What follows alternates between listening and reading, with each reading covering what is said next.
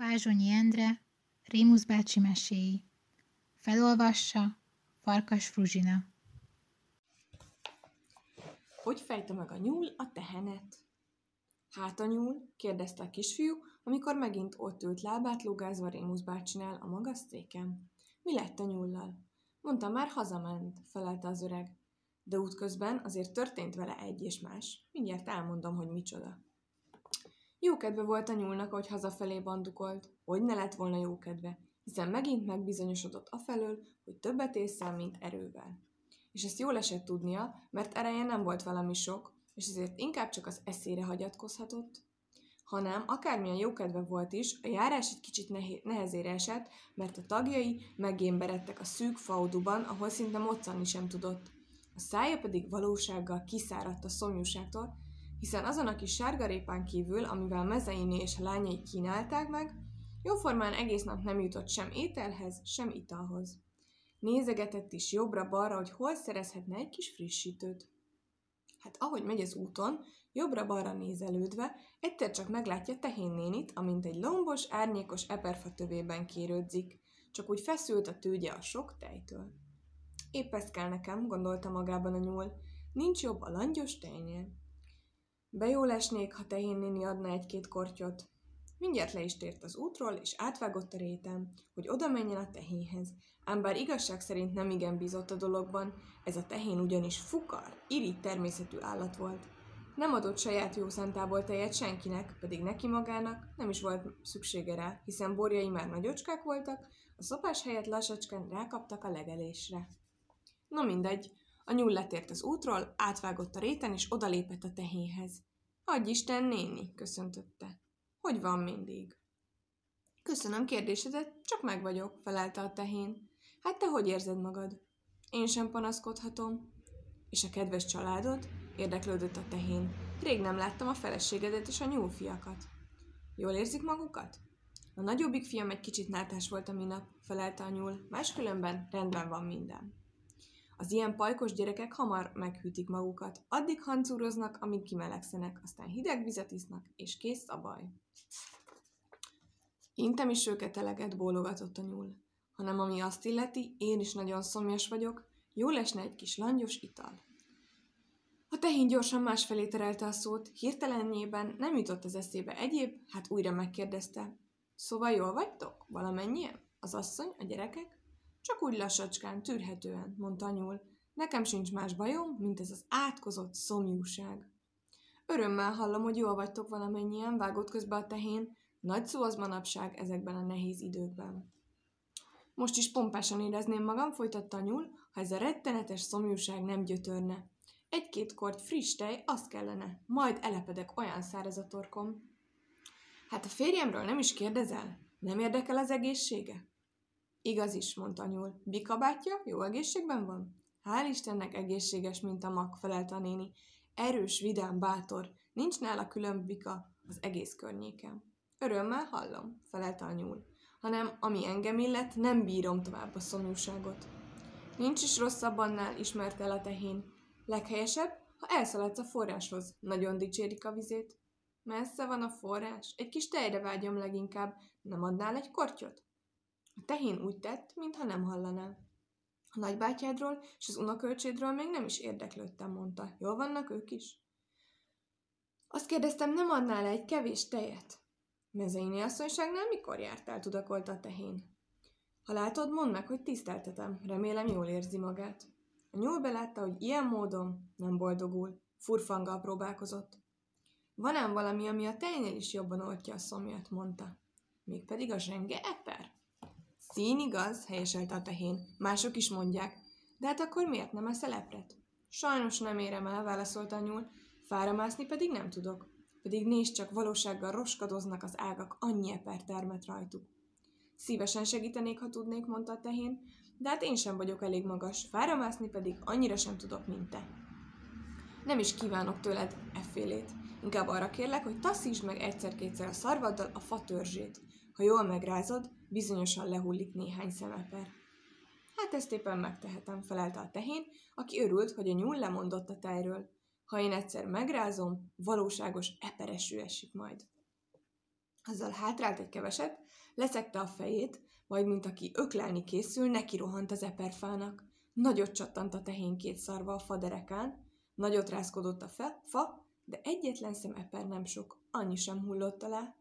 Hogy miért nem? Bizony csak azért, mert még éretlen volt valamennyi, és erősen fogódzott a szárám. A tehén azonban nem gondolt erre, hanem egy kicsit bosszúsan, hogy nem sikerült mindjárt elsőre a dolog, megint hátrált valamennyit, jóval többet, mint az imént, megint leszekte a fejét, mint aki öklelni készül, és másodszor is neki rontott az eperfának. Nagyot csattant a tehén két szarva az eperfa derekán, sokkal nagyobbat, mint az imént. Nagyot rázkodott a fa, de egy szemeper nem sok, annyi sem hullott le. Persze, hogy nem. Hol volt még az eperérés ideje? Ennyi, néni, ingerelt a nyúl, csak nem gyengített el az öregség. Engem, kiáltott a tehén, erősebb vagyok, mint valaha. Ha kell, akár ki is döntöm ezt a hitványfát. Ide néz! És azzal újra hátrált egy darabot, sokkal többet, mint az előbb. Újból leszekte a fejét, mint aki öklelni készül, és harmadszor is nekirontott az eperfának.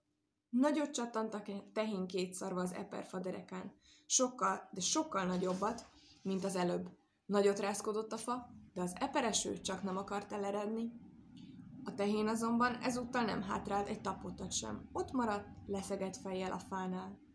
Talán belátta, hogy nem boldogul az éretlen eperrel? Dehogy is. Folytatta volna az öklelődzést szívesen akármeddig. Nem azért, hogy a nyúl kedvébe járjon, hanem hogy az erejét fitoktassa, de mozdulni sem bírt áltó helyében. Beszorult a szarvam a fába, panaszolta. Nem tudom kihúzni. Csak nem, csodálkozott kajanul a nyúl, mert hát éppen arra számított kezdettől fogva, hogy a tehén szarva előbb-utóbb beszorul a fába, ha olyan erősen bögdösödik. Igazán beszorult? No de ilyet, segíts, kérte a tehén a nyulat. Segítenék én szívesen, kedves néném, felelte a nyúl, de sajnos túlságosan kicsi és gyenge vagyok. Akárhogy ágaskodom is, nem érek fel a szarvadig. Hatalmasat sóhajtott.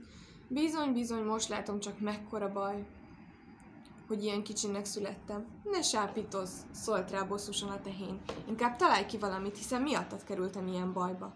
Nem is felejtem el soha, hogy milyen kedves voltál hozzám, ígért a nyúl. Megyek, hívok segítséget. Egy-kettőre visszajövök, visszajövök, addig légy türelemmel. És azzal lippiti klippiti, lippiti klippiti, elszaladt egyenesen haza. Asszony, gyerekek, egy-kettő szedelőzködjetek, kiáltotta. Ami sajtár, csöbör, rocska, kanta, csupor csak akad a háznál, gyorsan, gyorsan, gyorsan hozzátok.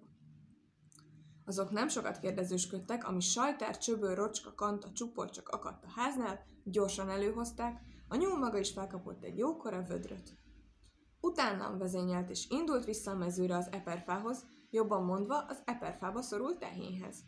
A tehén már messziről hallotta a nyúl lépéseit. Lippiti-klippiti, lippiti-klippiti, meg a nyúlné és a nyúlfiak lépéseit. Lip-klip, lip-klip, lip-klip.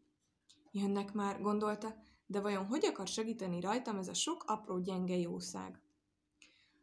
Aztán más zajt is hallott, csír-csör, csír-csör, meg ezt, klip-klap, klip-klap, és még ezt is, zir-zur, zir-zur. Hát ez meg micsoda, fülelt a tehén, mintha a nyúlcsalád minden sajtárt, csöbröt, rocskát, kantát, csuprot magával hozott volna, ami csak a háznál akadt. Vajon mire készülnek? Megtudta hamar. Itt vagyunk, tehén néni, kiáltotta a nyúl. Kiszabadítani sajnos nem tudunk, mert akárhogy ágaskodunk is, nem érünk fel a szarvadig. Hát akkor mit akartok? kérdezte a tehén. Nem könnyíthetünk rajtad máshogy, mint hogy megfejünk, felelte a nyúl. Meglátod, mindjárt kellemesebb lesz az áldogálás, ha kiürítjük a tőgyedet. Mindjárt le is tette a vödrét a földre. A tehén tőgye alá, ő maga pedig ukap, odakuporodott, és akármennyit szitkozódott, rúgkapált, és az irigy tehén telefejte a vödröt. Utána a felesége látott munkához. Egy nagy sajtárt megtöltött friss, habos tehénteljel. A nyúlné után a nyúlfiak következtek, egy-egy csöbörrel, rocskával, kantával, csuporral. Mikor valamennyien elkészültek, így szólt a nyúl. Köszönjük a tejet, kedves nénénk! Hazamegyünk, szép lassan megkiszogasztjuk. Közben pedig egyfolytában rád gondolunk, mert az a legjobb ebben a tejben, hogy ajándékba adtad, tiszta, jó szívvel, kéretlenül. Ez nem igaz, szólt közbe a kisfiú. Nem adta szívesen, nem is akarta adni. Persze, hogy nem, felelte Rémusz bácsi. A nyúl csak csúfolta a tehenet, amiért olyan irigy volt és fukar. Csúfolódni nem illik, mondta a kisfiú. Hát nem is nagyon illik, válaszolta az öreg. De a nyúl tréfás fickó volt, és különben is azt gondolta, hogy hát ha használ a lecke annak az irigy fukar tehénnek. És aztán mi történt? kérdezte a kisfiú. A nyulak jót nevettek a tréfán, és elszaladtak. A tehén, aki a fejét sem tudta elfordítani, hiszen a szarva beszorult a fába, hallotta a lépéseiket. Lippiti klippiti, lip klip. Előbb közelről, majd messzebbről halkabban. Lippiti klippiti, lip klip. És végül pedig egészen messziről, egészen halkan. Klippiti, lip klip. Aztán nem hallott semmit, csak a még dün, dühöngö, csak a még döngött a füle körül, és egy lusta béka vartyogott odább a tocsogóban. A tehén meg ott maradt magában az eperfa alatt.